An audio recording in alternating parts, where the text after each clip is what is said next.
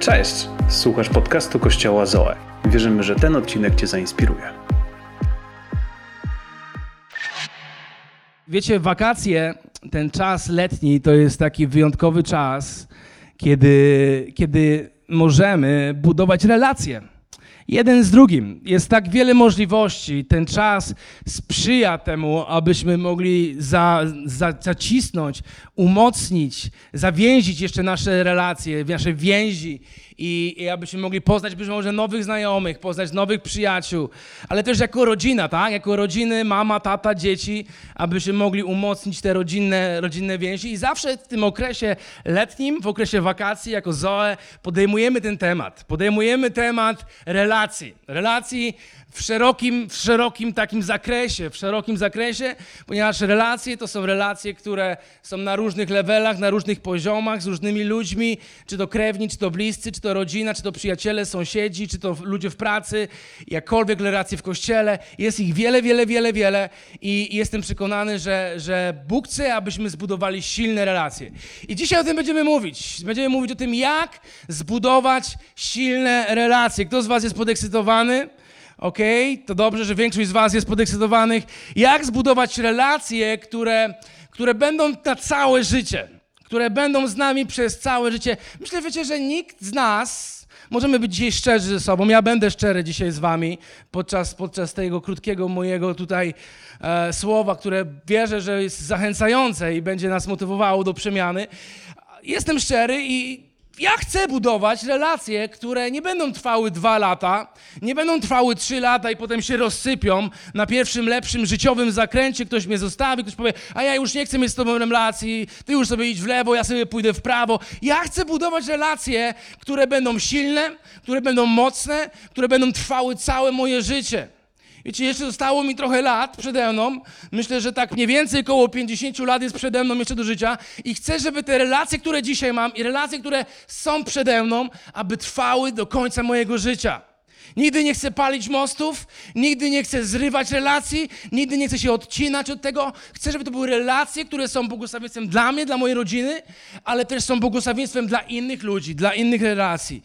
Niestety, niestety prawda jest taka, że czasy, w których żyjemy, technologia i wiele rzeczy, które się dzieje obecnie na świecie, nie sprzyjają budowaniu silnych relacji. Zwróciliście uwagę na to? To, co się dzieje, to w świecie, w jakim żyjemy, one nie sprzyjają budowaniu, one nie upraszczają nam tego całego procesu budowania relacji, a wręcz przeciwnie, one wystawiają na próbę nasze relacje. Wręcz przeciwnie, kiedy czytamy to, co widzimy, widzimy, że wielu ludzi zmaga się z samotnością. Wielu ludzi decyduje się iść samemu przez życie, zamiast budować silne relacje. Żyjemy w takich czasach, mieliśmy COVID jakiś czas temu. Ktoś jeszcze pamięta o COVIDzie? To nie był sezon, który nam pomagał w budowaniu relacji. Wszyscy mówili, zostań w domu. Wszyscy mówili, utrzymuj dystans. Więc mieliśmy dystans. I wiecie, po tym czasie COVID-u, nawet w kościele, zobaczyliśmy, że nasza frekwencja tutaj, naszych członków kościoła spadła o połowę albo i ponad połowę. Ponieważ, ponieważ ten COVID cały sprawił, że, że zaczęliśmy w inny sposób postrzegać relacje. Wiecie, żyjemy w czasach, gdzie za naszą granicą wschodnią jest wojna. Ta wojna również nie, nie pomaga, nie sprzyja budowaniu relacji. Może, może ona nie wpływa tak bardzo na mnie i na ciebie, jeśli jesteś Polakiem, ale wyobraźcie sobie wszystkie te rodziny, wyobraźcie sobie mężów, którzy musieli zostać na Ukrainie i kobiety z dziećmi, miliony kobiet z dziećmi, które opuściły Ukrainę. Ten czas, ten sezon nie sprzyja sprzyja budowaniu relacji. To, co wróg chce zrobić, musimy uchwycić to, że co wróg chce od samego początku, od ogrodu Eden, chciał namieszać w relacji. Najpierw w relacji pomiędzy Bogiem a człowiekiem, a potem w relacji pomiędzy mężem i żoną, i tak dalej, i tak dalej, i tak dalej. Więc wróg chce zrobić wszystko, aby chrześcijanie i niechrześcijanie nie potrafili budować relacji. Nie potrafili budować silnych relacji, aby zaczęli tak naprawdę wpływać negatywnie, psuć relacje, ale wierzę, że Bożą wolą jest to, aby człowiek był połączony w relacjach. Bożą wolą jest to, aby człowiek nie żył w samotności, ale miał wokół siebie ludzi, miał więzi, miał bliskich, miał przyjaciół, którzy będą z nim szli przez, przez każde wyzwanie, przez każdą trudność, w momencie sukcesu i w momencie porażki. To jest Boża wola. Bóg chce, aby nasze relacje rosły, aby nasze relacje się rozwijały i aby nasze relacje rodziły dobre owoce. Bóg chce, aby nasze relacje przynosiły benefity. Tak, dokładnie, słowo benefity. Bóg chce, aby te relacje, które budujemy, były błogosławieństwem. Może inne słowo to jest błogosławieństwo. Abyśmy byli błogosławieni przez relacje, przez to, co, przez to, co się rodzi z tych, z tych relacji. Kiedy patrzę na moje życie, kiedy patrzę na miejsce, w którym dzisiaj ja jestem, Mam, mam, mam żonę, mam czwórkę dzieci, mam dom, mam samochód, mam biznes, mam kościół, mam przyjaciół i wiele, wiele innych rzeczy. Mogę powiedzieć, że jestem szczęśliwą osobą i nie byłbym tutaj dzisiaj, gdyby nie relacje. Gdyby nie ludzie w moim życiu, którzy pomogli mi przejść przez wyzwania, którzy byli ze mną w trudnych momentach, którzy byli ze mną w trudnych sezonach mojego życia, którzy kibicowali mnie, mi, którzy zachęcali mnie, którzy popychali mnie do przodu, którzy kierowali moje oczy na Chrystusa, którzy budowali nasze małżeństwo, którzy budowali naszą rodzinę. Gdyby nie ci ludzie, dzisiaj nie byłbym tutaj. Dzisiaj nie trzymałbym tego mikrofonu. Dzisiaj nie byłbym tatą, mężem i przyjacielem dla wielu ludzi. Dlatego, że były osoby, które nauczyły mnie tego, jak budować właściwe i jakościowe relacje. Prawda jest taka, jeśli mówimy o relacjach, to jest to, że musimy zrozumieć, że albo relacje mogą zupełnie zrujnować Twoje życie, albo relacje mogą wynieść Twoje życie na wyżyny. Wszelkie wyżyny. Możesz odnieść sukces i zwycięstwo. Twoje życie może być pełne błogosławieństwa, kiedy masz odpowiednie relacje. Natomiast kiedy masz relacje z nieodpowiednimi ludźmi, kiedy masz nieodpowiednie relacje, toksyczne relacje, te relacje mogą ciągnąć ciebie w dół. Mogą wypijać z ciebie energię, mogą wypijać z ciebie siłę, wypijać z ciebie pozytywne nastawienie, wypijać z ciebie wiarę i wiele innych rzeczy, które, które Bóg chce, aby chrześcijanin miał w swoim sercu. A więc jestem przekonany, że to jest od nas zależne w wielkim stopniu, czy umiemy budować relacje, czy nie umiemy budować relacji. I Bóg jest za tym, abyśmy nawet w tej erze samotności, nawet w tej erze, kiedy te, cała ta społeczeństwo nie sprzyja budowaniu relacji, abyśmy my mogli cieszyć się silnymi więziami, silnymi relacjami.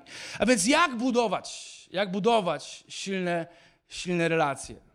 Myślę, że zanim, zanim odpowiemy, jak budować, musimy sobie uzmysłowić, uświadomić, że są przeszkody. Są przeszkody w tym świecie, w którym żyjemy, które nam przeszkadzają w budowaniu relacji. I dzisiaj wybrałem trzy. Prawdopodobnie jest ich dużo, dużo więcej, ale wybrałem trzy, żeby dać Wam znak, sygnał, taką impuls, taką lampkę, że może być coś w Twoim życiu, co przeszkadza w budowaniu relacji. Może te trzy rzeczy, o których dzisiaj powiemy, nie tyczą się Ciebie, a może się tyczą Ciebie. W każdym razie musisz być świadomy tego, że w Twoim życiu mogą być rzeczy, które, które nie sprzyjają budowaniu relacji. I pierwszą przeszkodą, przeszkodą numer jeden, to są social media. Social media. Społeczności wszelkie, które są w internecie, które są w naszych telefonach. Niektórzy ze mnie na mnie teraz tak patrzą, co ty mówisz, przecież social media mają pomóc nam budować relacje. Ale wiecie, prawda jest taka, że to jest za taką mgłą.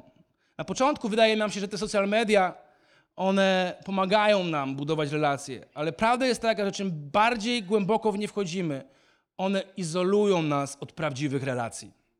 Izolują nas od żywych relacji.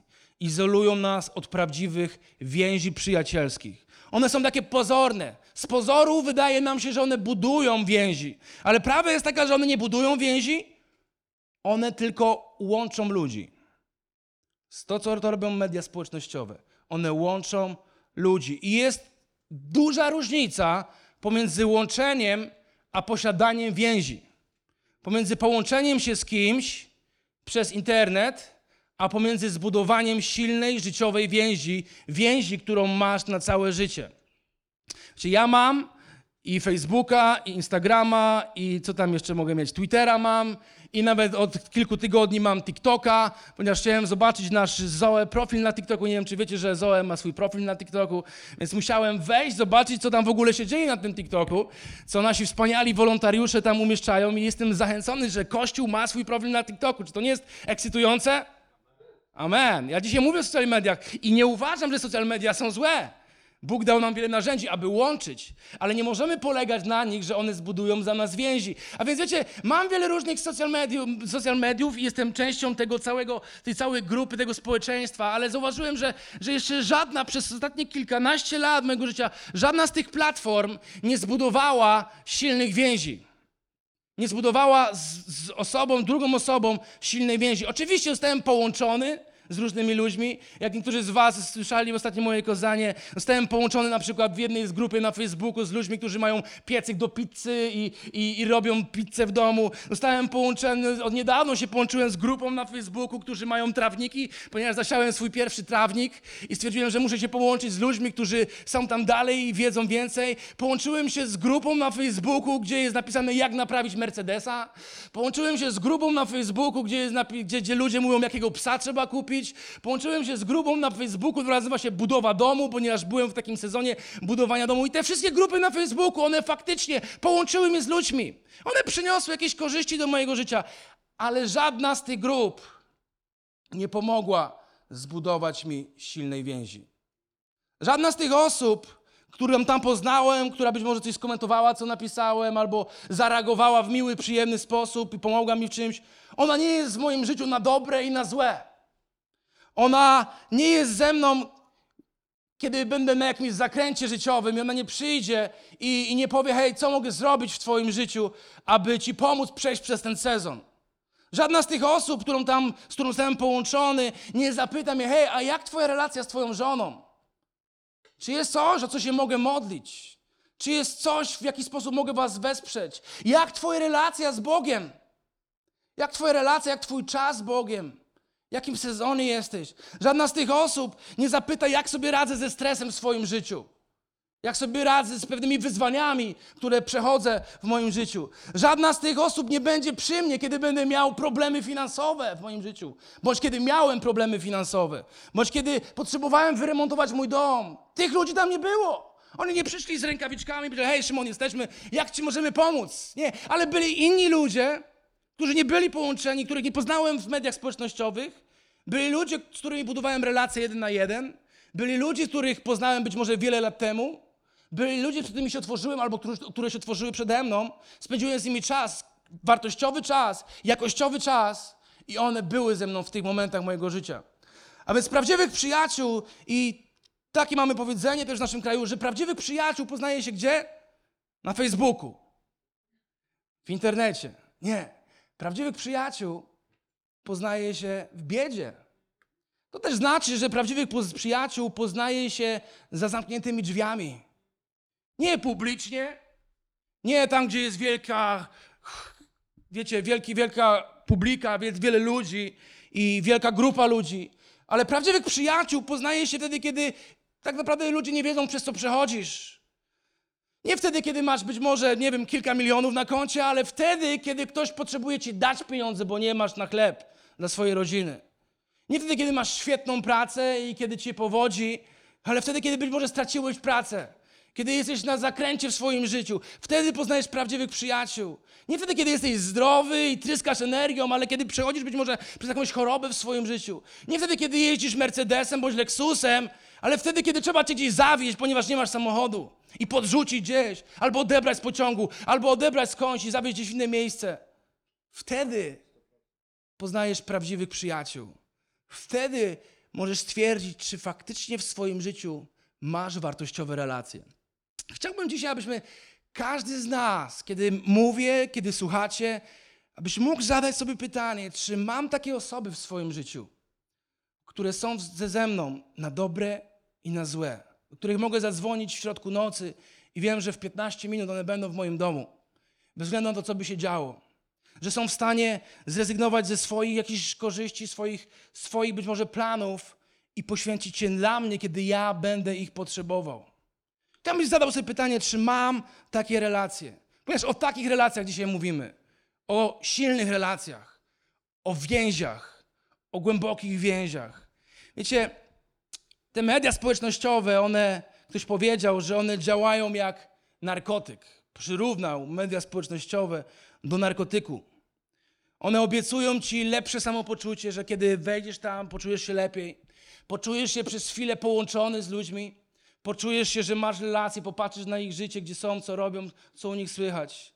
Ale prawda jest taka, że później, kiedy wyłączasz telefon i znowu jesteś w swoim pokoju i nikt ciebie nie widzi, dalej możesz być sam i samotny jak palec. One są jak taki narkotyk, że przez chwilę czujesz się lepiej. Przez chwilę masz takiego haja i czujesz się wow, czujesz się dobrze, ponieważ ktoś polubił moje zdjęcie na Instagramie, ponieważ ktoś zareagował, że mam nowe buty. Wow. Wiecie, może zamiast przewijać pewne rzeczy cały czas i tracić czas na media społecznościowe, może lepszą rzeczą byłoby wziąć telefon i zadzwonić do kogoś. Powiedzieć, hej, co u ciebie słychać? Jak twoja żona się czuje, jak twoje dzieci, czegoś wam potrzeba.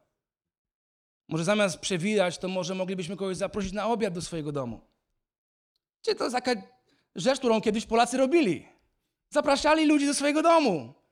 To było normalne, że ktoś gotował obiad i czasami coś się przypaliło, nie wyszło i a, nieważne, ważne, że jesteśmy razem, ważne, że możemy się śmiać, że możemy coś zagrać, ważne, że budujemy więzi. Wiecie, teraz niektórzy spotykają tylko w restauracji.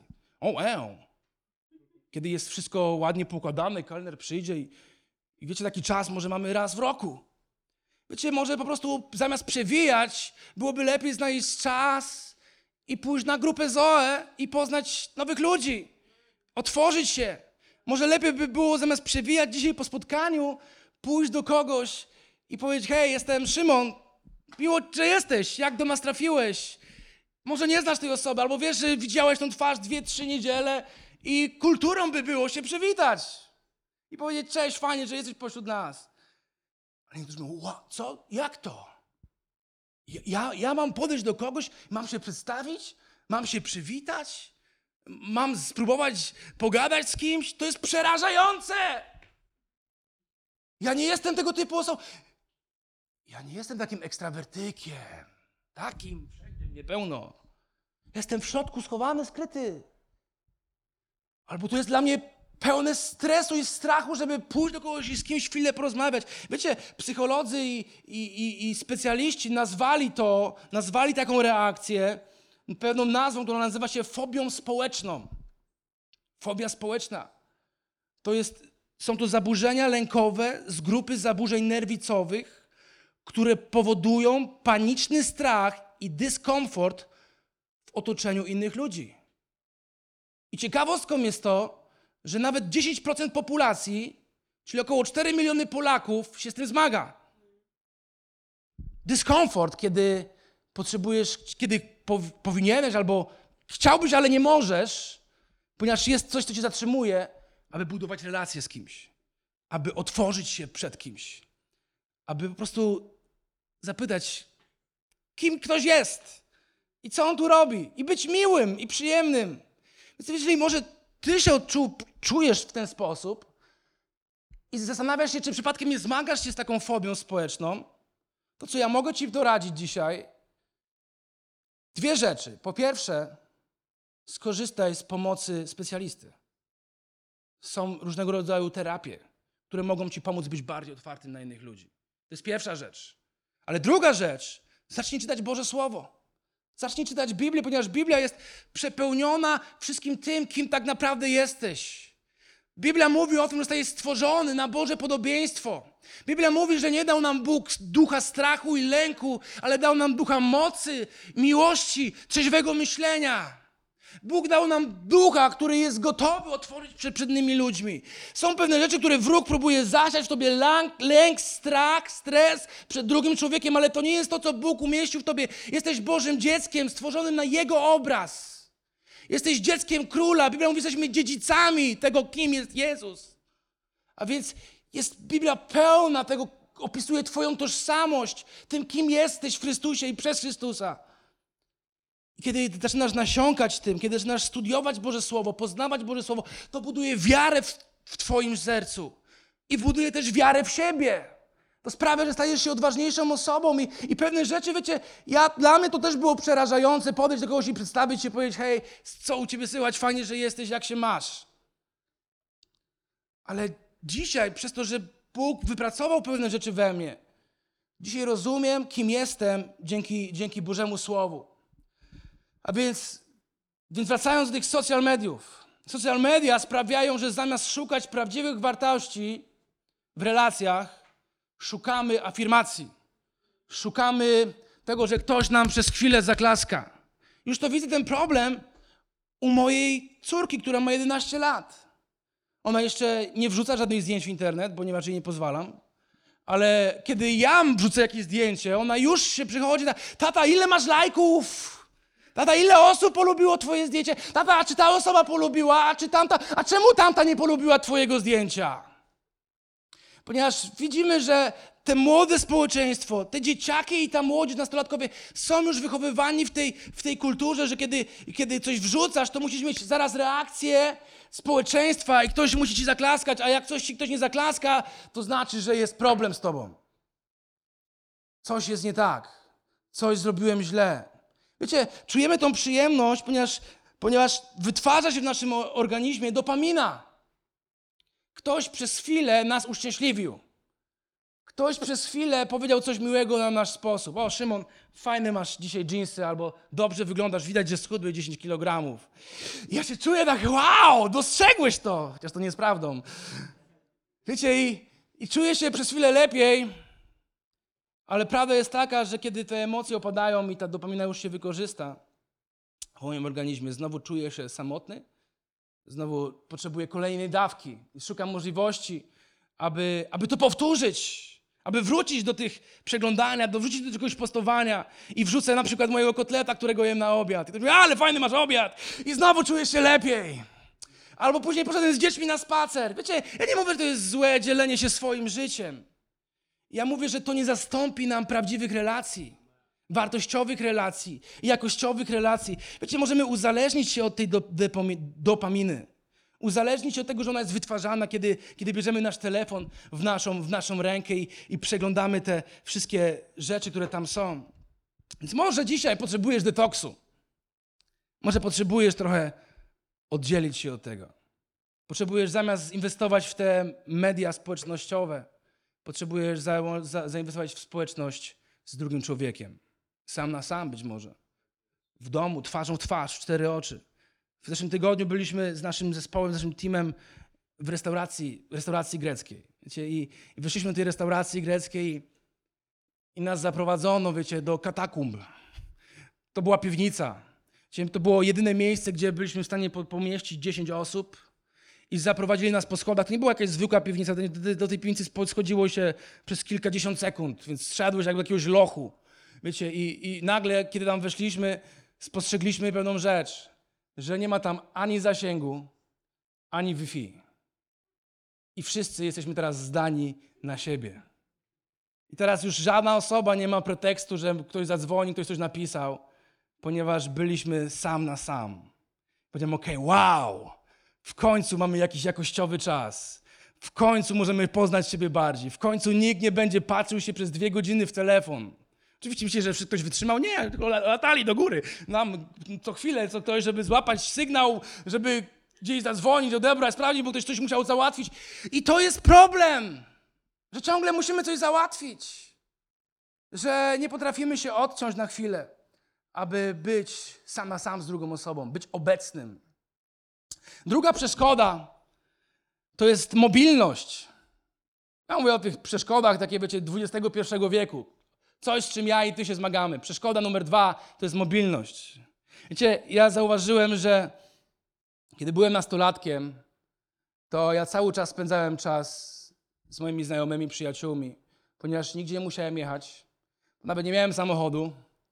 I, I wiecie, moi rodzice, oni mieli samochód, ale tak naprawdę bali się jechać dalej niż do kościoła, ponieważ tym samochodem nigdy nie byłeś pewien, czy, czy, czy wrócisz, jak gdzieś wyjedziesz. Kiedy, kiedy poznaliśmy się z Kingą, pobraliśmy się, zamieszkaliśmy razem, gdzie jedna z naszych pierwszych sprzeczek, kłótni, były o to, że ja ciągle zapraszałem znajomych do domu. Praktycznie każdego dnia. Kiedy byś nie przyszedł u nas, to zawsze ktoś był. Od poniedziałku do niedzieli, później od poniedziałku do niedzieli znowu. Ona chciała, się pobrała ze mną, aby mieć trochę relacji ze mną, spędzić trochę czasu ze mną, abyśmy mogli się poznać, cieszyć naszą miłością po ślubie, A ja byłem taki otwarty na relacje, ponieważ wiecie, nie mieliśmy samochodów z, z tymi ludźmi, nie mieliśmy potrzeby gdzieś jechać. W miejscowości, w której mieszkaliśmy, była tylko jedna linia tramwajowa i, i kilka autobusów. Wiecie, nie było tej mobilności, że gdzieś muszę coś jechać, muszę coś załatwić.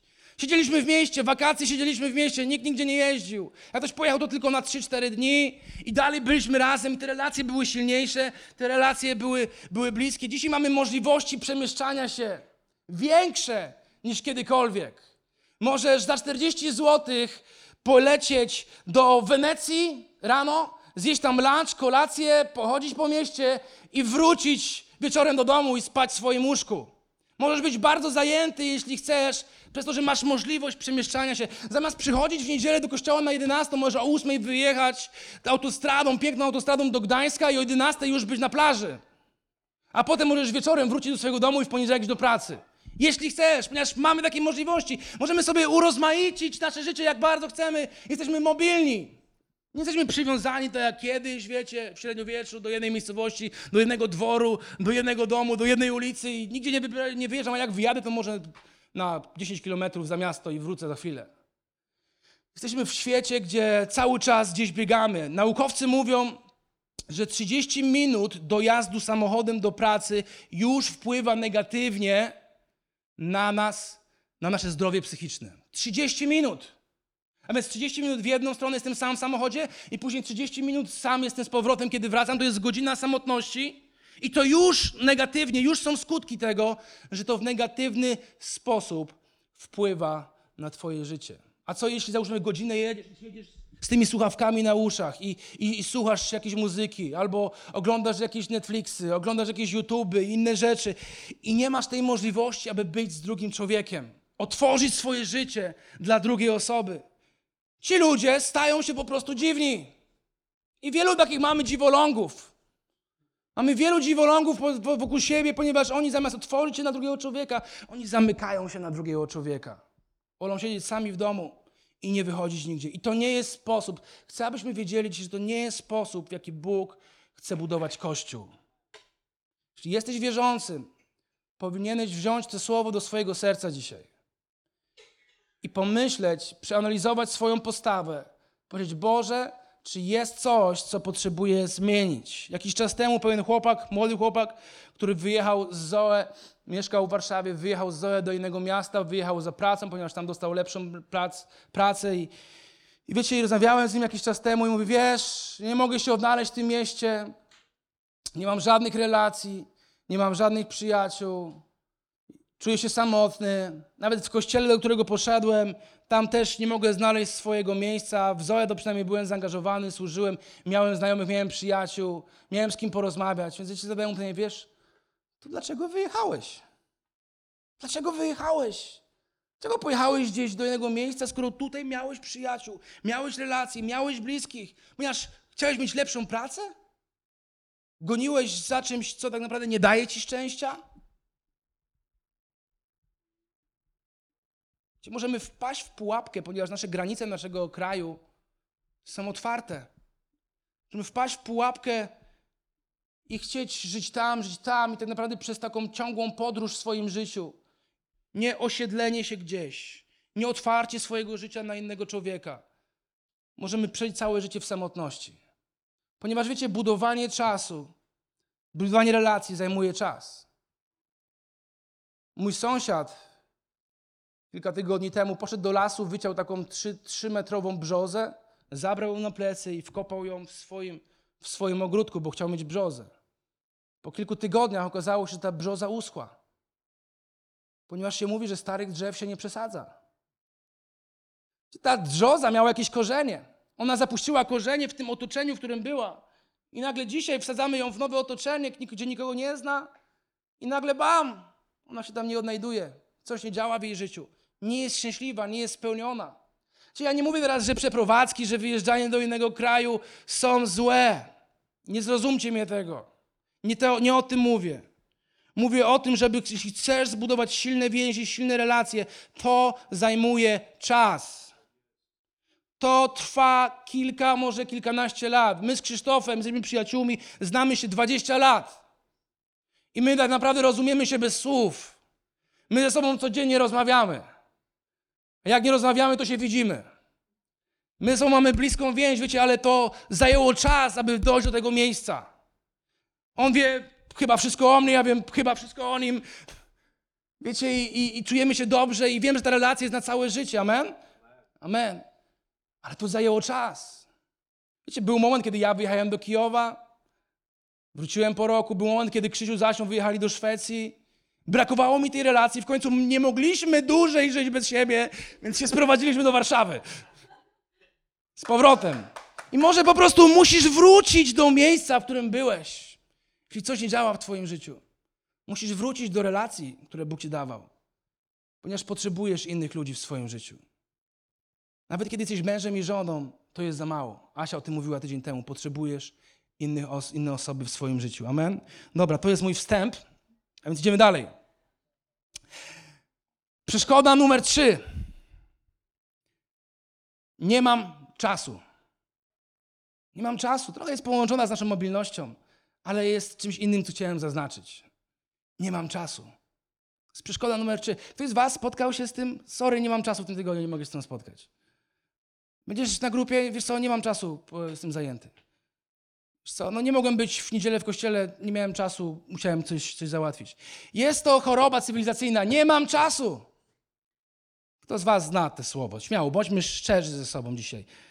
Śmiało, tylko trzy osoby znają to stwierdzenie, nie mam czasu. Nie mam czasu, powiedzcie, powiecie, to nie jest problem braku czasu. I teraz puszczę taką bombę. Pff. Nie mam czasu, to nie jest problem braku czasu. Nie mam czasu, to jest problem braku priorytetów w swoim życiu. I w końcu to ktoś powiedział. To nie chodzi o to, że ty nie masz czasu. Ty po prostu masz inne priorytety w swoim życiu. Po prostu coś innego jest dla ciebie ważniejsze.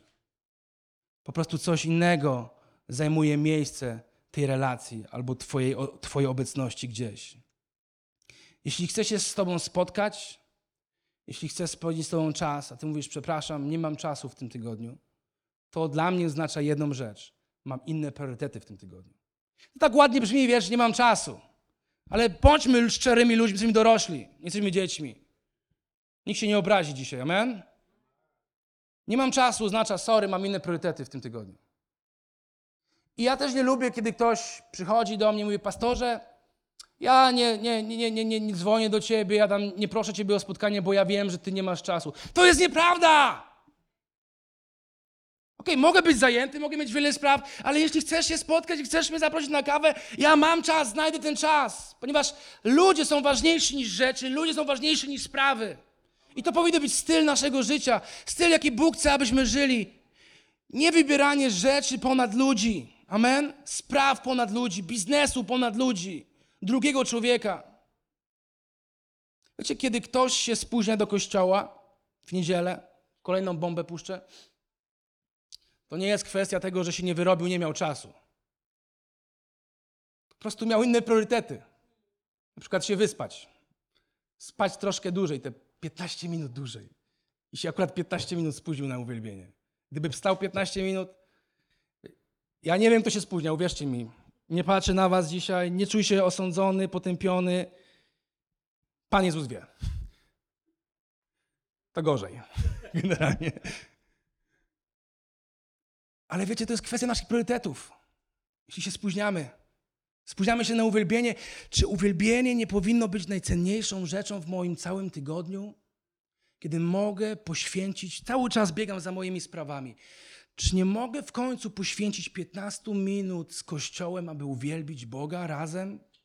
Aby wyrazić moją wdzięczność, aby wyrazić moją miłość. Tym jest uwielbienie, Kościele. Wyrażamy w ten sposób swoją miłość. To nie jest, wiecie, karaoke, jak często mówię.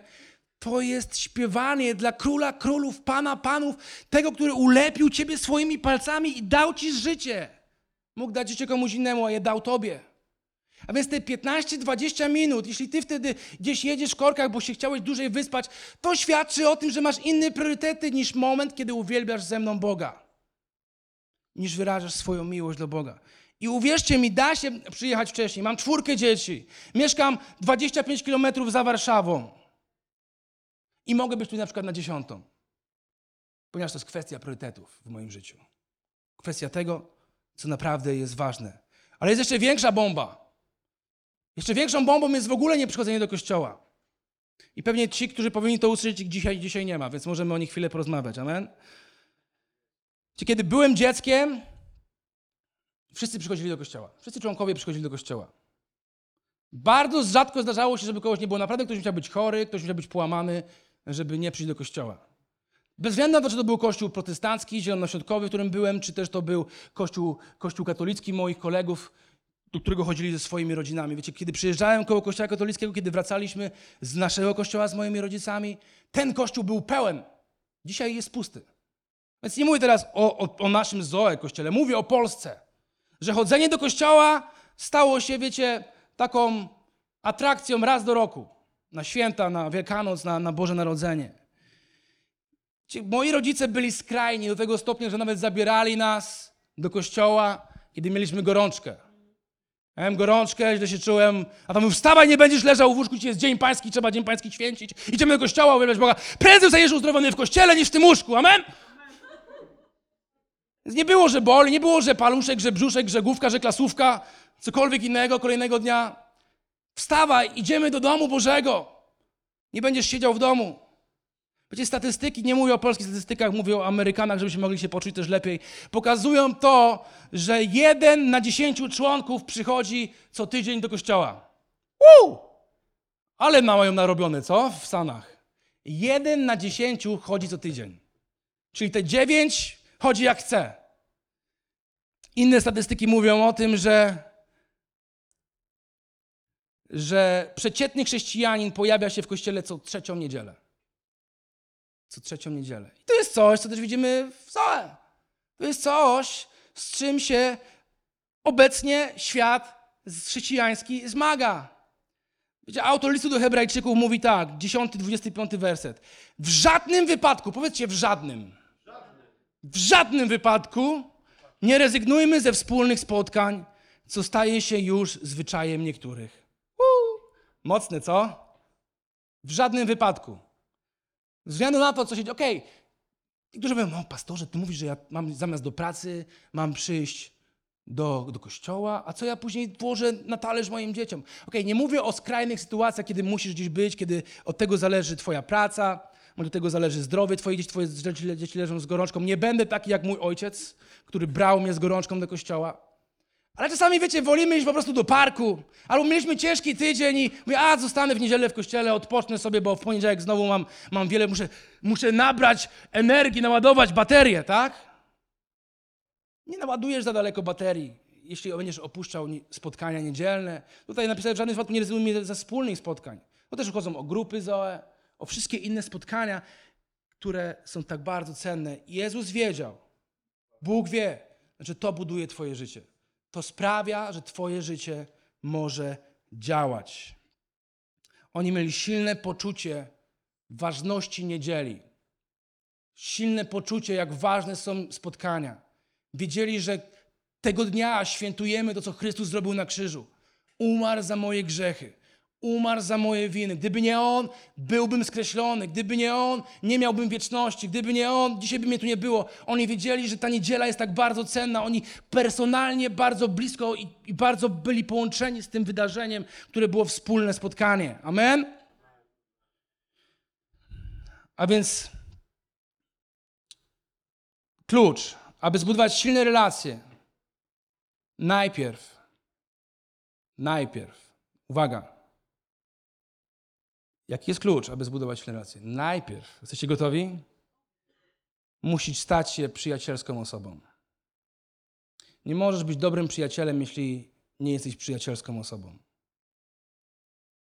Wiecie, niektórzy mówią, o, szukam właściwej osoby, aby być dobrym przyjacielem dla niej. Szukam dobrej relacji, aby być przyjacielem, być przyjacielski.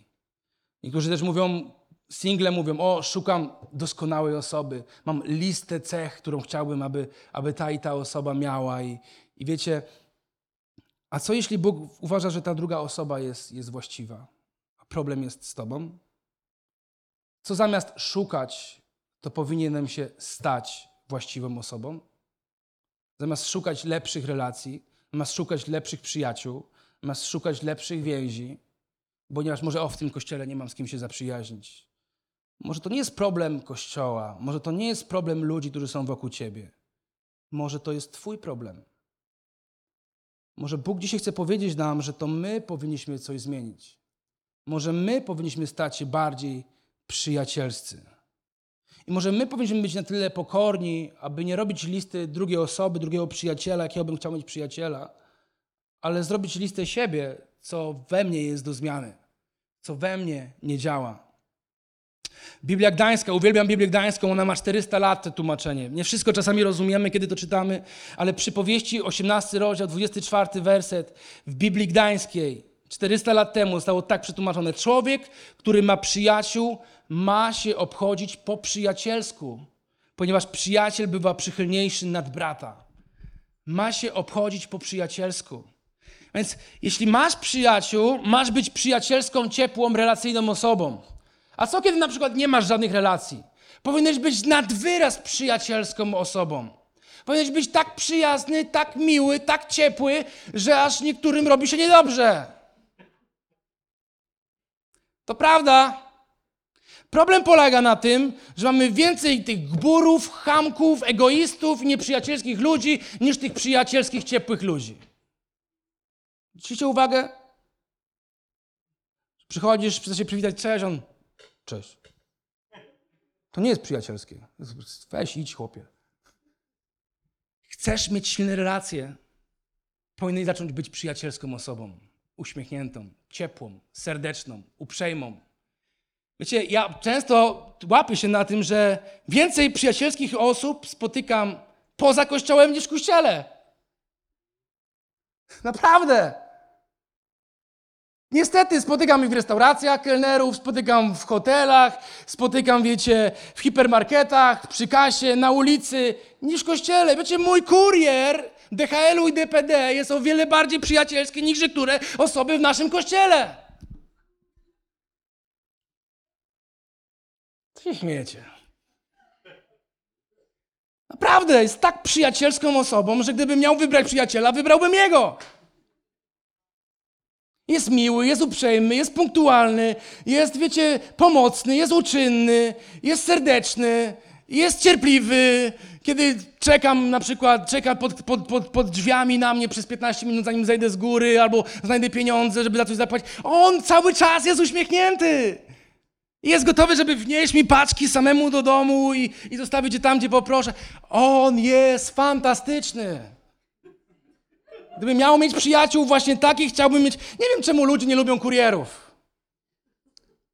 Oni kurierzy są naprawdę sympatyczni. Powinniśmy się uczyć od nich. Powinniśmy zapytać: hej, skąd ty to wziąłeś? Skąd ty wziąłeś taką ciepłą, przyjacielską naturę w, so, w sobie? Czy myślicie, że o, ich tego nauczyli? Tam robili im kursy w DHL-u, hej, teraz będziesz, musisz być taki, uśmiechnięty. Nie, ponieważ nie każdy kurier DHL-u jest taki. Spotykam też innych, może twój jest inny. Więc nie nauczyli się tego w pracy, myślę, że nie nauczyli się tego w szkole, ponieważ nauczyciele tego nie uczą. Nie nauczyli się tego z telewizji, ponieważ tego też tam nie ma. Nie nauczyli się tego z książek. Prawdopodobnie nie nauczyli się tego też w kościele. Gdzie się tego nauczyli? W domu. Rodzice ich tego nauczyli. Może my po prostu mamy problem z wychowaniem. I nie nau- rodzice nas nie nauczyli, jak być przyjacielskimi. Wiecie, prawda jest taka, że dużo rzeczy wynosimy z domu. To, jacy jesteśmy, to się za nami ciągnie. Przez całe nasze życie. Jeśli mój ojciec był hamem, to prawdopodobnie ja jestem kim? Hamem. Ponieważ to jest to, co widziałem przez, załóżmy, 20 lat mojego życia. W tego zostałem nauczony. A więc, jeśli jesteś rodzicem, chcę ci powiedzieć, że masz dwa zadania w swoim życiu. Nie wiem, czemu ten zegarek w drugą stronę leci. Jeśli jesteś rodzicem, masz dwa zadania. Po pierwsze, powinieneś uczyć dzieci o Bogu. To powinno być twoje zadanie numer jeden. Każdego dnia. Jeśli jeszcze nie masz dzieci, powinieneś to zapisać dzisiaj, aby wiedzieć, co robić, kiedy będziesz miał dzieci. Powinieneś uczyć ich o Bogu. Mówić, jaki jest Bóg. Co Bóg zrobił dla nas. Kim jest Jezus. Nauczyć ich historii z Biblii. Tego powinieneś robić. Numer dwa, powinieneś nauczyć ich być ciepłymi osobami. Przyjacielskimi osobami. Tak, Aby kiedy dorosną, mogli z łatwością znaleźć relacje, mogli z łatwością znaleźć przyjaciół, mogli zbudować silne relacje, ponieważ z chamami nikt się nie chce przyjaźnić, z gburami też nikt się nie chce przyjaźnić. Musisz być ciepłą osobą, jeśli chcesz mieć silne relacje. Problem polega na tym, że my w ten sposób nie wychowujemy dzieci. I rosną takie niemiłe osoby czasami, niewychowane, niekulturalne. To jest Twoje zadanie, nie moje, wychować swoje dzieci. Tak, aby były przyjacielskie, miłe, ciepłe, serdeczne, uczynne, uprzejme względem starszych osób. Amen? Amen. Dziękuję za amen, rodziców. Wiecie, nie musimy się wcale o to modlić, aby być bardziej przyjacielskim. To nie chodzi o to, że dzisiaj wrócisz do domu i, i zaczniesz się modlić, Panie Boże, pomóż mi być bardziej... Nie, po prostu musisz zacząć zmieniać swoją postawę. Zmieniać być może wyraz swojej twarzy. Częściej się uśmiechać. Być uśmiechniętym, nie gburowatym, ponurym. Przypowieści 22 mówią, kto miłuje czystym sercem i wargi ma wdzięczne, tego przyjacielem jest król. Kto z was chciałby być przyjacielem króla? Kto z was chciałby, żeby z przyjacielem, wiecie, siedzieć wieczorem i oglądać mecz z królem? Albo z królem iść na, na wycieczkę, z królem jechać na wakacje. Wiecie, nie mamy króla, ale, ale co gdyby było na przykład, że kto z was nie chciałby mieć prezydenta za przyjaciela, albo dyrektora, dyrektora jakiejś wielkiej firmy, korporacji, wysoko postawioną osobę, za, albo naczelnika urzędu skarbowego, albo jakiegoś naczelnika ZUS-u za, za, za przyjaciela, albo kogoś w urzędzie miasta za, za prezydenta miasta, za przyjaciela. Czy nie żyłoby nam się przyjemniej, łatwiej, wiedząc, że on jest moim przyjacielem? I by się żyło łatwiej, wiedząc, że on jest moim przyjacielem. I co może sprawić, że, że ktoś będzie twoim przyjacielem? Tu jest sekret. Dwie rzeczy. Kluczem jest czyste serce i wargi pełne wdzięczności. Czyste, co to jest czyste? To jest prawe serce. Nie jest serce, które obgaduje, nie jest serce, które ściemnia, nie jest serce, które bajeruje. Czyste, klarowne serce, które jest we mnie, które może dać Ci Bóg. Dawid modlił się, Boże, stwórz we mnie nowe serce, czyste serce i ducha prawego daj mi. I wargi pełne wdzięczności. Wargi, które nie krytykują, nie osądzają, nie plotkują, ale które zachęcają, które umacniają, które motywują, inspirują. Takie wargi, które są wdzięczne za to, że ktoś jest przy tobie. Może po prostu musisz powiedzieć, zadzwonić, hej, dziękuję, że jesteś moim przyjacielem. Dziękuję, że mnie znosisz przez te wszystkie lata mojego życia. I nieraz zawodziłem, nieraz byłem taki. Dziękuję ci, że jesteś moim przyjacielem. Lepszego nie mógłbym znaleźć. Może po prostu musimy przestać mówić, co nam ślina na język przyniesie. Czasami rzecz, mówić rzeczy, które niszczą relacje, niż niszczą więzi. Nie budują dobrej postawy, ale mówić rzeczy, które budują. I to się tyczy również małżeństwa. Ileż lepiej się żyje, kiedy twoja żona, twój mąż jest twoim przyjacielem, nie tylko partnerem, ale też przyjacielem.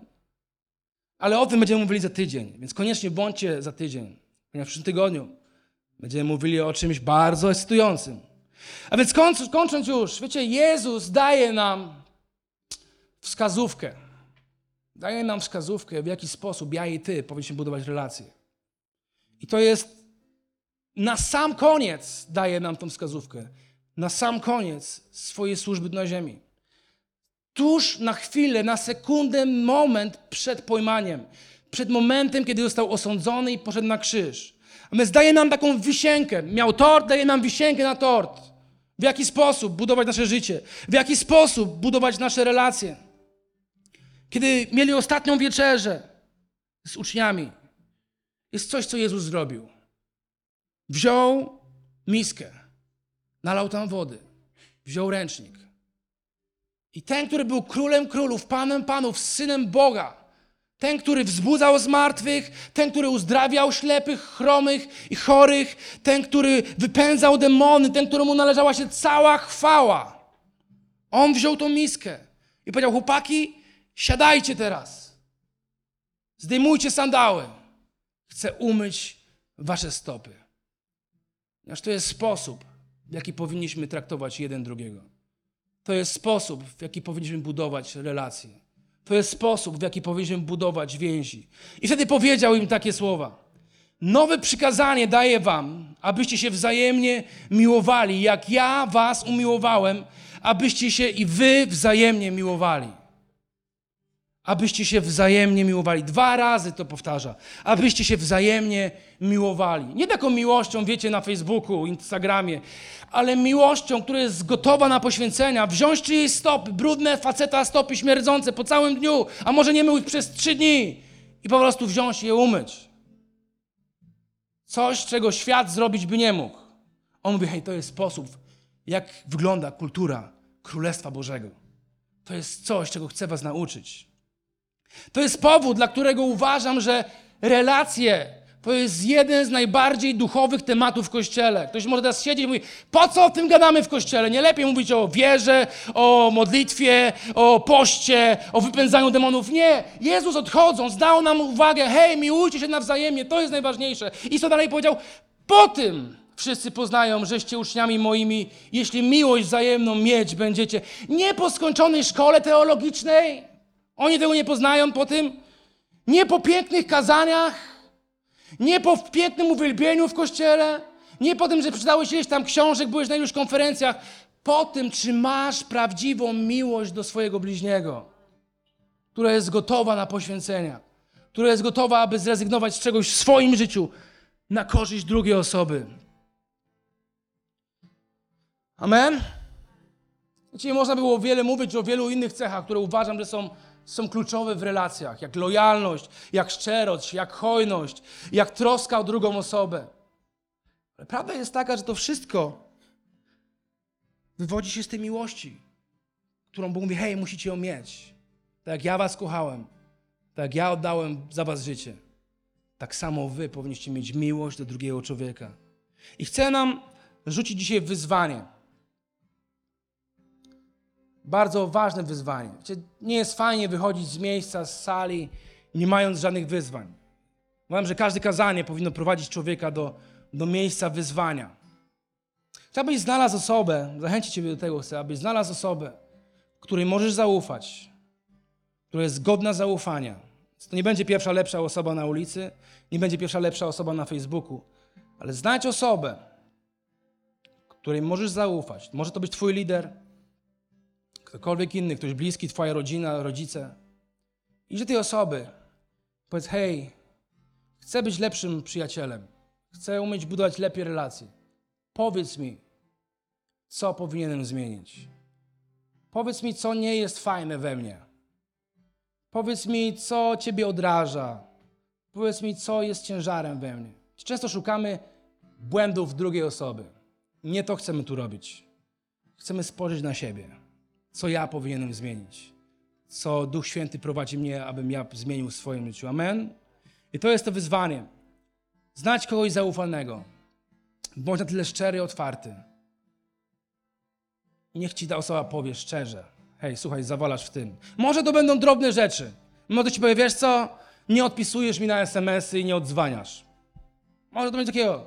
Kiedy coś wrzucę na grupę, ty nie odpiszesz, nie, nie zalajkujesz, nie dasz reakcji. A może to będzie coś innego, to będzie coś grubszego, jak na przykład, słuchaj, nie jesteś skromnym człowiekiem. Ciągle gadasz tylko o sobie. Ciągle mówisz, kiedy się spotykamy, mówisz o tym, jak twój tydzień wyglądał. Nie zapytasz się, jak mój tydzień wyglądał.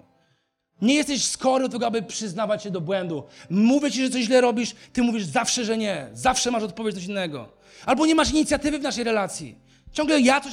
Bądźmy ludźmi, którzy są na tyle szczerzy, na tyle otwarci, aby usłyszeć feedback do swojego życia. Amen? Dzięki, że byłeś z nami. Więcej informacji o naszym kościele znajdziesz na naszych mediach społecznościowych. Wierzymy, że najlepsze jest jeszcze przed nami.